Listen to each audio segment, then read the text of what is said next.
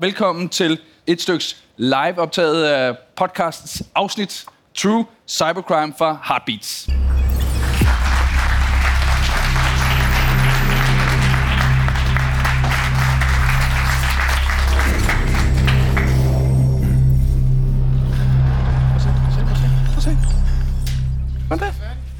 Mange tak.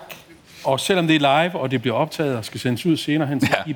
For guds skyld række hånden op og stille spørgsmål undervejs, eller vi tager nogle spørgsmål til sidst. Lad mig lige præsentere panelet, inden vi går i gang. Det er fra venstre og herhen er Det er Liv Stube Talbjerg, Partner Technical Specialist hos IBM. Så er det Claus Jensen Fangel, og jeg har lovet at sige Security Evangelist fra Atea. Og så ikke mindst, Ronny Abrahamsen, Manager Strategic Partners fra Atea. Øh, jeg skal ikke sige så meget mere andet end, værsgo, Hylander. God eftermiddag. Mit navn er Martin Hylander, og du lytter til podcasten True Cybercrime. Vi giver dig fortællinger om forbrydelser på nettet. Det er blevet kaldt fremtidens krigsførelse mellem nationer. Men cybercrimes er mindst lige så farlige for virksomheder og enkeltpersoner.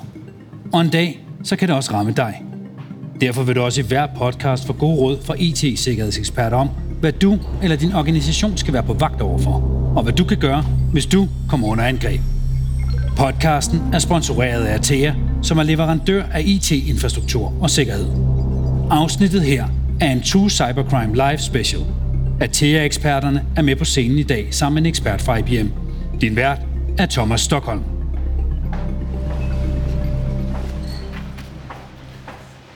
Klokken 4 om morgenen den 24. februar ruller russiske militærkøretøjer ind fra nord over grænsen til Ukraine. Kort forinden er granaterne regnet ind over Ukraine. Også tæt på hovedstaden Kiev. Det bliver starten på en af nyere tids mest blodige invasioner. Og lige nu, mens vi lytter til den her podcast, dør soldater hver dag på de ukrainske slagmarker. Byer bliver lagt i ruiner, og mennesker fordrevet. Tusindvis af soldater og civile har allerede mistet livet. Det kan være svært for os at fatte krigens gru. Til gengæld er krigens anden bølge helt tæt på os alle i den vestlige verden, nemlig cyberkrigen. Den kender ingen landegrænser, og fjenden er usynlig. Men vi er ved at have et overblik over, hvem der orkestrerer angrebene. De kommer fra russiske hackergrupper. Og en af de helt store cyberherrer hedder Killnet. En pro-russisk hackergruppe, som eksperter mener er grundlagt i marts i år, kort efter invasionen af Ukraine. Killnet er kendt for sine massive DDoS-angreb på nationale infrastrukturer og virksomheder i lande, som støtter Ukraine i krigen mod Rusland. DDoS-angrebene er ikke specielt komplicerede. Ikke i forhold til tidligere russiske hackergruppers præcise nålestiksangreb på udvalgte mål. Men det var dengang, før krigen. Og den dame og de herrer, nu kommer 2 millioner kroner spørgsmålet. Var vi forberedt på den cyberkrig, som ramte os? Må jeg starte? øh, var vi forberedt? øh, nej, var vi ikke. Øh, der har jo selvfølgelig været nogle ting planlagt gennem længere tid, øh, som så for vores synspunkt startede. Øh, det er den 24. februar, øh, men det har selvfølgelig været planlagt gennem længere tid. Når man sådan kigger tilbage, så har der været en stigning i angreb, som formentlig for ligesom at trygteste vores øh, del af verdens øh, infrastruktur og vores øh, evne til at modstå angreb. Øh, det kan man så se nu. Og så er selvfølgelig eskaleret i den tid, lige op til og lige efter invasionen. Hvornår hører nogle af jer første gang om Killnet?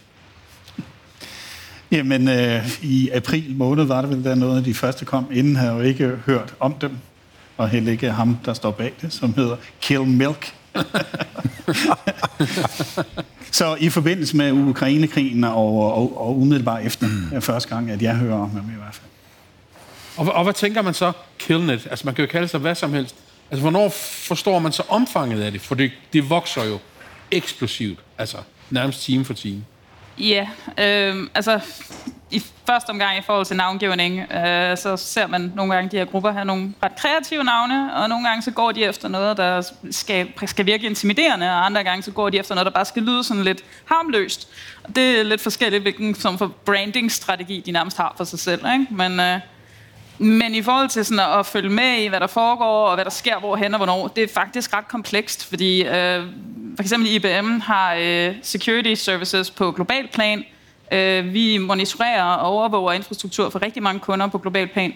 Øh, og ifølge vores sådan, statistikker, som vi løber på øh, de angreb, som vi forsvarer imod, der ser vi også, at nogle af de her grupper, jamen, de opstår og forsvinder øh, inden for relativt kort tid. Hvis lige snart der er nogen, der er ved at komme ind på sporet af dem, så disbander de bare, og så opretter de sig et nyt navn, eller samler sig i en ny gruppe. Øh, så det er et meget fluktuerende billede øh, løbende. Og de benytter sig så primært af det, som man kalder et DDoS-angreb. Nu, nu ved jeg godt, at det bliver til grin, for nu kommer jeg til at spørge, hvad et DDoS-angreb er. Men det er jo fordi, vi har nogle lyttere på den her podcast også, som nogle gange har brug for at få det forfrisket, deres, deres, deres viden. Så forklar lige, Ronny, DDoS-angreb. DDoS-angreb er et denial of service, og det andet D så for distributed. Og det betyder sådan set bare, at øh, man øh, lægger en service ned. Og i de fleste tilfælde, så er det en internetvendt øh, service, så det kan man gøre på, på mange måder, men distributed, det er, så får man en masse små bots til at sende trafik ind imod en specifik linje, og når den her trafik den bliver tilpas stor, jamen, så vil den her linje ophøre med at eksistere. Ikke eksistere, virke. øh, det er jo de mest kendte, og hvis ikke ældste former for angreb. Hvorfor er det det, som man benytter sig af? Man skulle synes, at det skulle være mere sofistikeret end det. Jamen, hvorfor bruge noget nyt, hvis noget gammelt virker? Hvis det er tried and tested and true, og i øvrigt også relativt nemt at eksekvere, hvorfor skal du så bruge tid og ressourcer og penge på at bruge de nyeste, sværeste værktøjer? Og faktum er bare, at det er, er stadigvæk effektivt øhm, i forhold til det mål, som, som angriberne kan have, hvilket sådan set bare er at lægge en virksomhed under pres. Og det kan der være forskellige grunde til, at de gerne vil. Nogle gange er det vidderligt bare for at for, for, forhindre en forretning i at køre, andre gange så er det en distraktion. Altså, så tager vi fokus herover og presser dem på en front, og så mens de er optaget det, eller prøver at løse det, så laver vi noget andet, som de måske ikke lægger lige så meget mærke til, fordi igen, vi har taget fokus et andet sted. Du får det til at lyde, som om det sådan nærmest er krig, som foregår. Altså lidt ligesom på slagmarken, man sætter nogle styrker ind her, og så tror russerne, at nu det her, det sker, og så slår man til et andet sted. Jamen, fuldstændig. Altså, øhm, nogle gange så er der jo en øh, klassisk analogi i forhold til, at øh, man tager det digitale, univers, og så siger jeg, jamen okay, du har en virksomhed, det er ligesom en borg, og så bygger du en voldgrav rundt om, og du sørger for, at der kun er et sted, man kan komme ind, altså en hovedindgang og sådan noget, og den beskytter du, og vi har den fysiske perimeter, øh, afgrænsning af, af organisationen. Og så øh, kan det godt være sådan DDoS angreb. Det virker lidt som om, der er nogen, der stormer broen. Ikke? De kommer imod porten, og de står og banker på, banker på, banker på, så ingen andre kan komme ind. Men mens de så gør det, så er der måske nogen, der lige vipper en stige op om på bagsiden og prøver at kravle over, eller graver sig under jorden og finder en anden vej ind, eller kravler ind af et vindue. Og det ser du måske ikke, fordi alle dine styrker er koncentreret om det andet angreb. Er vi så som, hvis Danmark var en borg, er vi så forberedt, er danske virksomheder forberedt på det her? Ja, nej. Der, der er stor forskel. Øh, der er selvfølgelig en masse tiltag i gang, og har været et godt stykke tid. Øh, og DDoS-angreb er en form for angreb, som virksomheder skal beskytte sig mod. Øh, der er en hel stribe andre former for angreb, som, som virksomheder skal beskytte sig mod. Så det er jo et spørgsmål om at, at, at øh, lave sin risk assessment, som vi kalder inden for, inden for informationssikkerhed og cybersikkerhed, på, på en smart måde, så man, man, man bygger sit risikobillede for din virksomhed, som ikke er ligesom nogen andres, men at handler om det for din virksomhed, og så kunne bygge din forsvarsværn, forsvarsværn op ud fra det. Og det er simpelthen om, om, om nogen kan gøre det, kan gøre det med deres egen infrastruktur og, og, og bygge den smart op og, og ligesom distribuere den trafik, der kommer ind mod dig. Og der kan du måske dæmme op for angreb på 150, 200.000 pakker per sekund. Det er sådan nogle angreb. Men hvis du vil kunne lukke af for de store angreb, så skal du have det ud til din ISP, altså din internetudbyder. Og der snakker vi måske 10 millioner eller, eller, eller flere pakker per sekund, de kan modstå i deres. De, kan, de skal håndtere det i deres core netværk, som man kalder det den her type angreb. Så det, det er meget med forskel, hvad, hvor stærke virksomheder står for det her. Jeg læste en artikel i går om en, øh, en øh, energivirksomhed i det midtjyske, som helt offentligt stiller sig frem og siger, vi bliver angrebet 650.000 gange om dagen. 650.000 gange om dagen. Så er det 4.500 af dem, som er alvorlige angreb.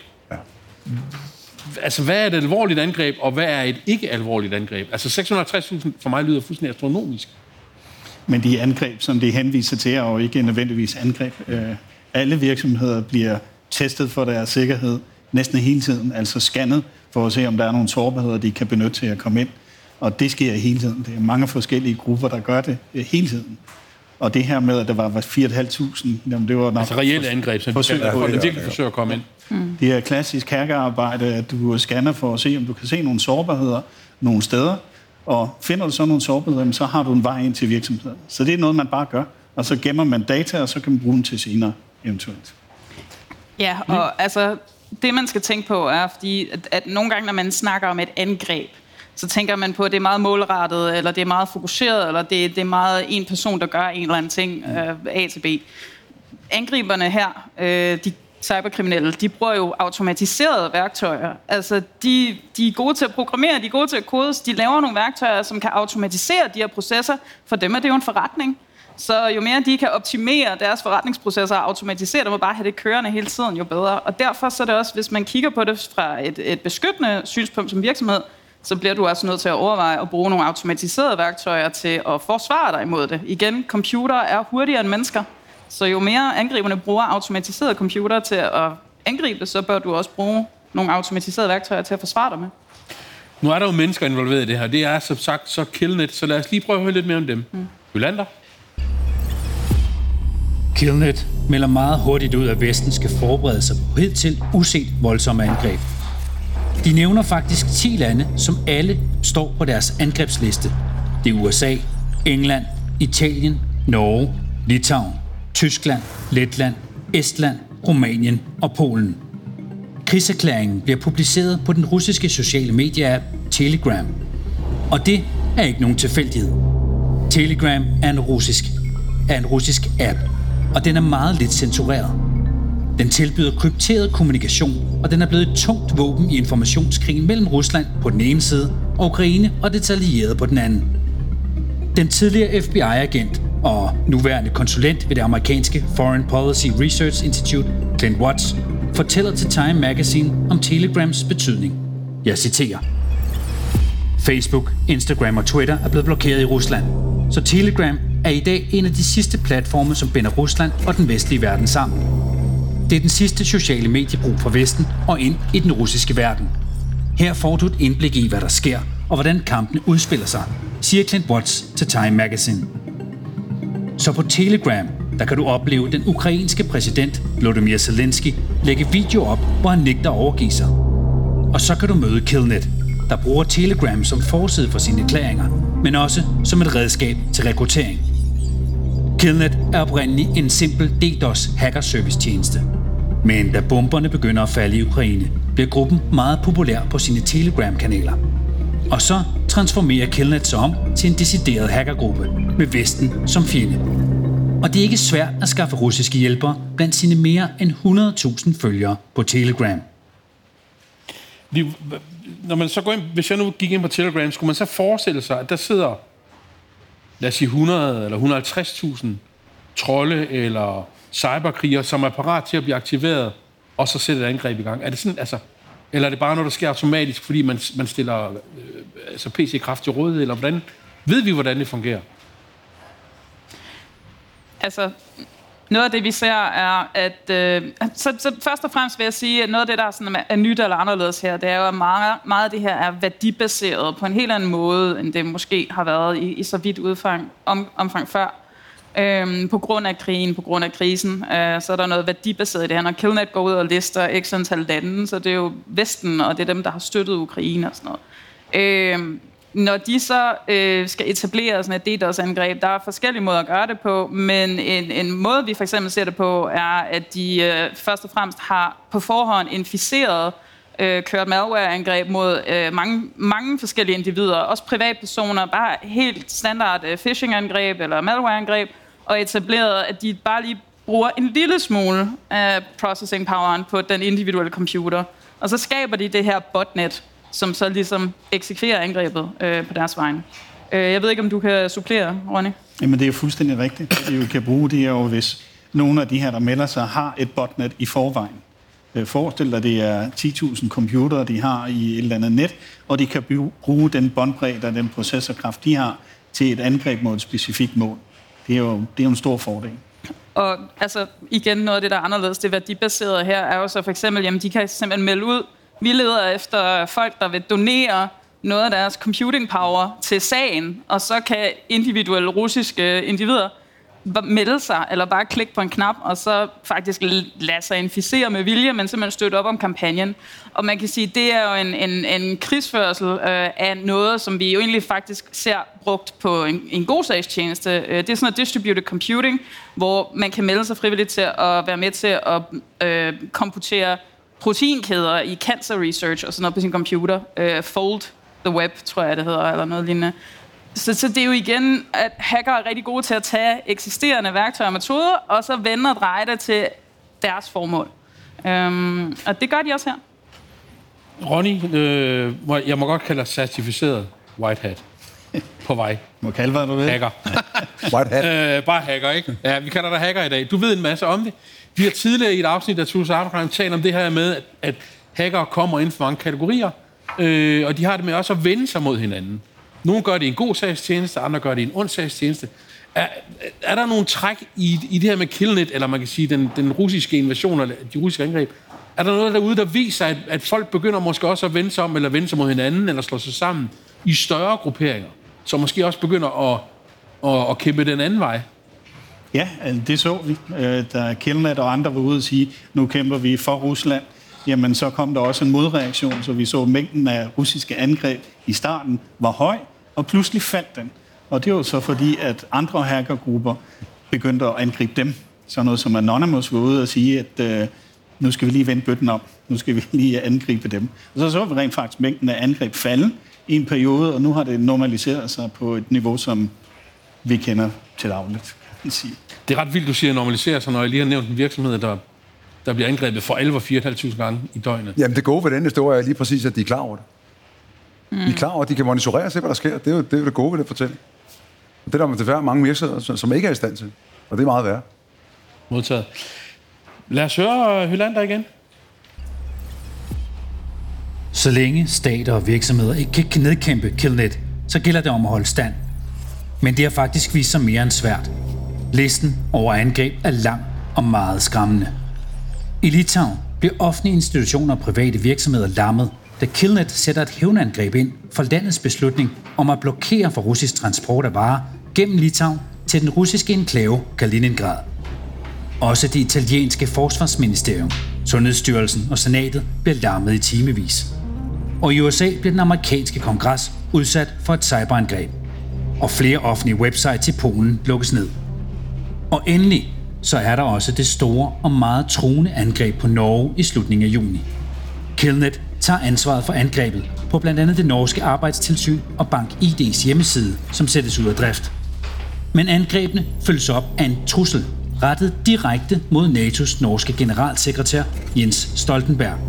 På Telegram skriver Kjellnet følgende.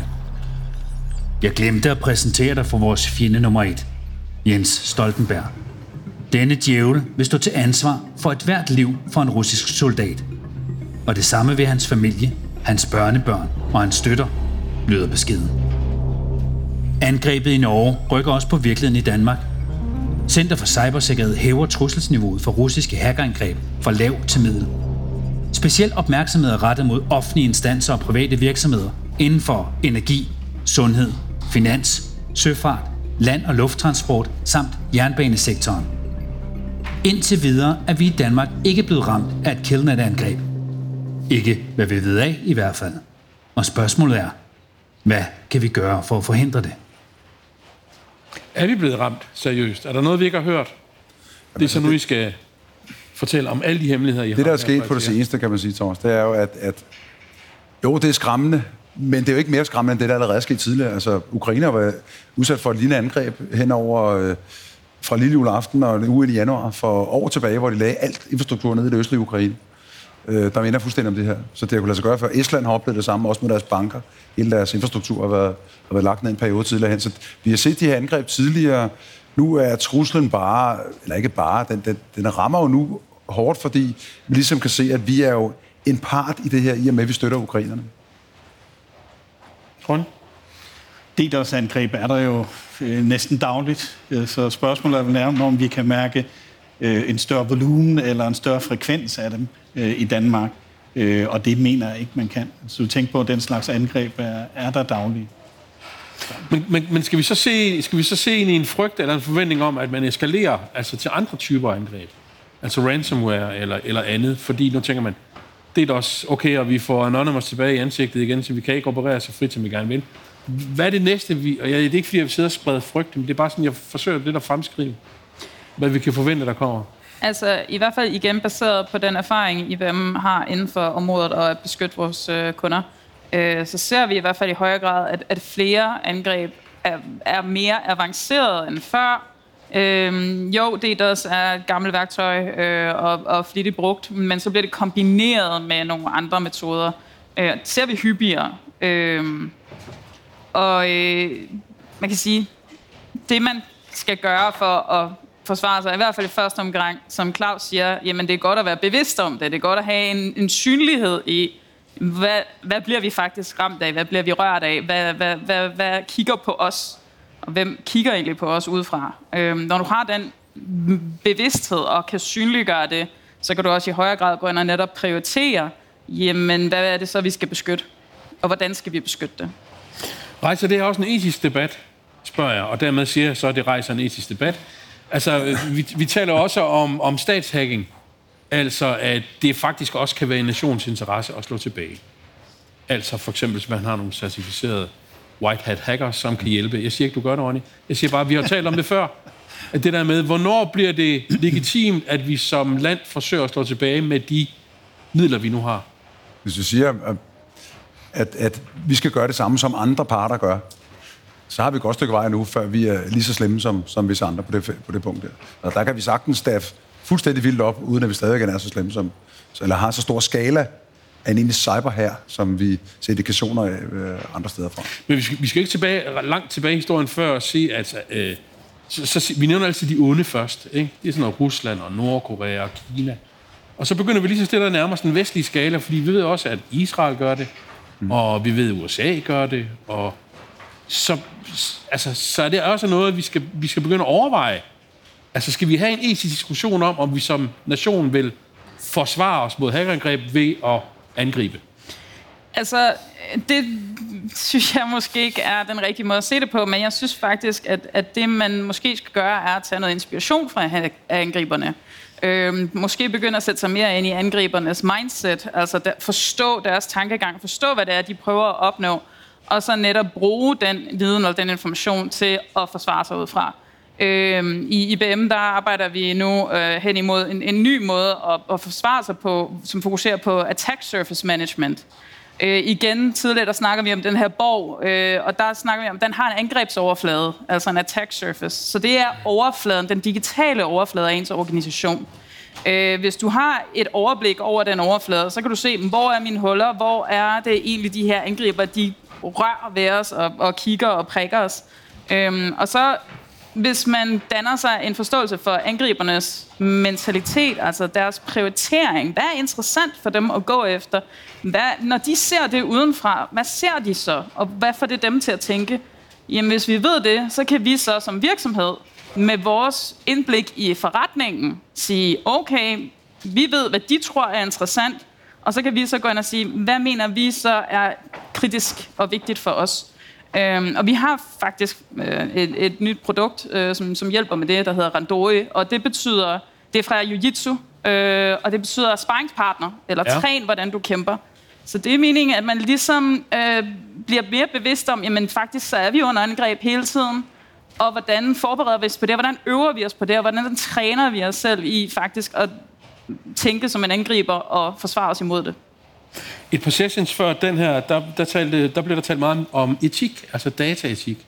Og vi skulle huske at ikke blive så dehumaniseret. Vi skulle huske noget, sådan noget så banalt som måske tro, håb og kærlighed. Øh, skal vi også begynde at tænke, skal vi også begynde at tænke på, at det går nok nogle, øh, det er nogle kæmpe server, der sidder og kører de angreb, men der sidder måske også nogle mennesker bagved, som en gang imellem tænker, okay, her gik vi lidt for langt. Har vi nogle eksempler på det? Og når jeg siger, har vi det, så er det fordi, det har vi. Øhm, tilfældigvis, tilfældigvis har vi det så har vi eksempelvis i Norge, ja, eller i England, Irland. Ja. Irland. Irske hvad, hvad der sker der, Claus? Jamen, der sker det, at øh, de irske sundhedsvæsen blev, blev øh, angrebet her forrige år i, i forsommeren, og, øh, og var, var lagt ned. Det var alvorligt. Det var papir og blyant, vi var ude i. Øh, og der sker så det, at, at jeg tror, vi kalder afsnittet, når hacker får kolde fødder. Ja. At hackerne simpelthen ender med, at uden at få nogen penge retur fra det stakkels sundhedsvæsen i Irland, så sender de simpelthen krypteringsnøglerne tilbage. Øh, hvorvidt at øh, de her gode mennesker så har, har fået... Det er sådan noget, en anden ting. Der er ikke nogen garanti for at få det data tilbage. De fik, så vidt jeg husker, var det krypteret i fire lag. Øh, og de gik så i gang med at, at genskabe de her data. Hvor langt de kom, det kan jeg faktisk ikke huske, om jeg nogensinde har set øh, faktuel øh, data på. Men, men, øh, men der er eksempler på, at hacker har fået koldfødder. Men jeg mener, man skal... Altså, det her, det vi ser nu, og det vi ser det sidste stykke tid, det er, jo, det er jo de mest primitive former, som bliver brugt. Og, øh, og det er jo også bare super interessant. Det liv fortæller omkring den her, med ligesom cybertræning, træn cyberintelligence, det er måde, for, for du forsvarer dig på. Men, men det er jo de mest primitive... Øh, altså satellitkommunikationen blev lagt ned af så angreb? Hvorfor man begyndte at, at anvende de her Starlink, da man først fik lov til det, de her SpaceX Starlink-satellitter, over øh, og gøre brug af dem i, i Ukraine i stedet for. Så det er de der primitive former. Jo nemmere det er, så gør det det selvfølgelig. Det behøver ikke være så avanceret. En lille smule avanceret talte vi om i sidste uge i Aarhus, hvor vi talte om JBS undertøj, der var blevet ramt af et ransomware-angreb. Og de kunne så genskabe, fordi de havde en gammel disk liggende i et pengeskab. Skal vi også til at tænke lidt old school måske en gang imellem, når vi tænker backup og cybersecurity, altså hvordan vi omgås det her, så vi ikke forærer, ikke lægger alle vores, øh, hele vores liv i hænderne på teknologien. Helt bestemt. Altså, tape backup er, er, er øh, ikke øh, outdated. Tværtimod. Det er super aktuelt stadigvæk. Så bestemt. Er det fordi I siger, det er det, eller er det fordi folk også, eller virksomheder er begyndt at gøre det også? Eller? Nej, men, Det, er, øh, det er brugt mange steder endnu. Ja, øh, og igen, Ja. IBM er også en øh, leverandør af, af storage og, og, og især tape-løsninger. Og vi ser faktisk en øget efterspørgsel på tape. Igen, øh, man kan stadigvæk tage det her og sammenligne det med øh, den virkelige verden, så det ikke bliver så digitalt abstrakt, men måske lidt mere fysisk konkret. Og igen, øh, hvis du har dit hjem, og du har dine værdipapirer, og du gerne vil sikre dem, så lægger du dem i et brandsikkert øh, pengeskab mm. eller et eller andet. Øh, Øh, man kan gøre nogle ting, som lidt minder om øh, i forhold til ens virksomhed. Altså, hvordan sikrer du faktisk, at din forretning kan køre? Øh, og det er også noget, eller lad være med at lægge alle æg i en kurv. Øh, have styr på din infrastruktur, og sørge for, at der ikke er nogen single points of failure, som vi kalder det.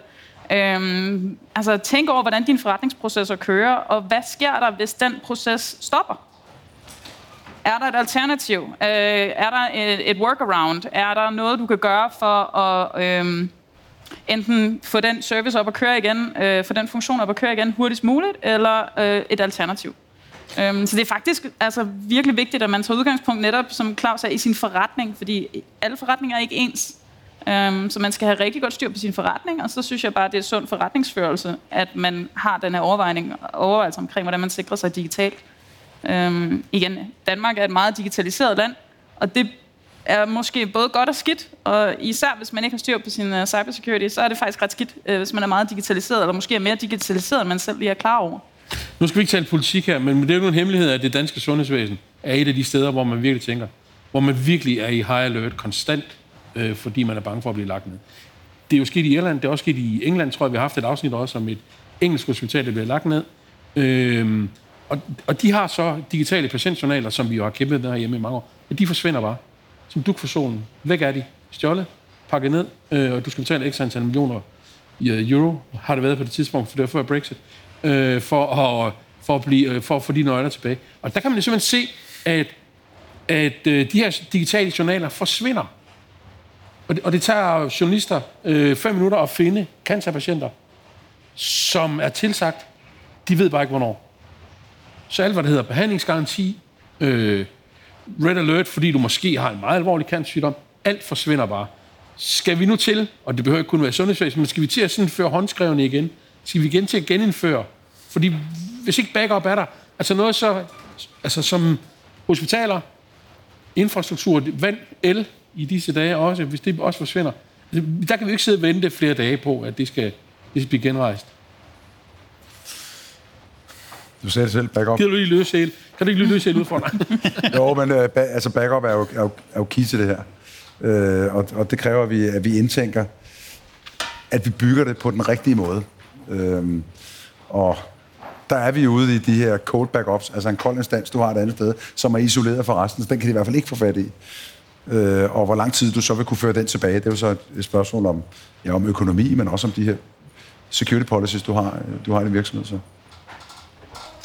Og så det sidste, og vi startede med 10 millioner kroner spørgsmål, nu starter jeg så med 10 milliarder kroner spørgsmål, eller slutter med et. Hvor meget når vi at lære, inshallah, så bliver den her krig i Ukraine forhåbentlig overstået inden for overskuelig fremtid. Men bringer det også noget positivt med sig? Altså, at vi får øjnene op for, hvor vi skal blive bedre, hvor hurtigt vi skal blive bedre, og hvad der kan ramme os i fremtiden. Så det er jo altid godt at være opmærksom på, at, at få en, en konkret situation, som henleder opmærksomheden på, på de her cyberangreb, der har været. Men når vi nu kigger tilbage fra starten af krigen til nu, jamen, så er der vist, at niveauet er ikke højere, end vi har været vant til. Der kom nogle øh, peaks i starten af krigen, men det, er, det har, som jeg siger, normaliseret sig nu. Så der er ikke flere angreb, som vi er klar over i hvert fald øh, lige nu. Der, hvor man kan blive lidt nervøs, det er, hvad er vi ikke klar over? Altså, er der nogle angreb, som de har udført, som ikke er blevet aktiveret endnu? For eksempel mod kritiske infrastruktur. Der kunne man jo godt øh, forestille sig, at man er blevet angrebet, men det er lykkedes dem at skjule sig. Og så er de gået lige så stille øh, videre i netværket, indtil de har fået de mindst, mest kritiske komponenter. Og nu ligger de klar til at slå til, når der er brug for det. Det er det, jeg er mest, mest nervøs for. Nervøs for. Ransomware er jo bare ransomware. Man er klar over, når man har blevet ran, eller angrebet med ransomware. Mm. Men de andre typer af angreb, dem er jeg langt mere nervøs for. Men tak fordi Ja. du lige... Ja, undskyld. Nej, undskyld. øh, Men, men selv med ransomware-angreb, altså det er jo ikke bare, at de kommer ind, og så klapper fælden, og så er du ramt, og så er det done. Altså det, det, når man siger angreb, så lyder det også meget eksplosivt, eller meget mm. konkret og kontant. Øhm, vi har lavet en undersøgelse øh, som sidste år, altså det er sådan en rapport, vi har, der er baseret igen på vores erfaringer, Threat Intelligence Index øh, for sidste år, hvor vi så, at i gennemsnit, så går der 287 dage, før man er opdager, før man overhovedet opdager, at man har været under angreb, at de har været inde i sine systemer. Det vil sige, at hvis de kommer ind 1. januar, så opdager du det midt, midt oktober. Øhm, og det er lang tid, og igen, det er, det er low and slow. De kommer ind, de prøver at holde sig uopdaget så længe som muligt, og det er fordi, jamen, hvad er det, de går efter? De går efter data.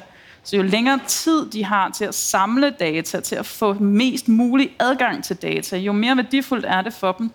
Øhm, og igen, øh, noget af det, som vi også ser lige nu, er, at, at der er måske nogen, der får fat i øh, krypterede data, og så tænker virksomheden, det er okay, det er krypteret, øh, det kan de ikke bruge til noget. Øhm, en, en, en anden ting er jo, at teknologi bliver ved med at videreudvikle sig, og, og vi prøver hele tiden at udvikle nye teknologier til at komme, komme frem og avancere. Og en af de teknologier, som der er på vej, er jo kvantecomputing. Øh, også et af de områder, som, som IBM er en stærk forsker inden for og udvikler af. Øhm, og der ser vi jo, at, at, quantum computing måske vil kunne bryde de krypteringsstandarder, mm. vi har i dag. Så hvis de får fat i den krypterede data nu, og bare venter ellers sige, fem år, når de får fat i den. de kan bare gemme det. Ja. Fem år, så kan de måske knække den. Ikke?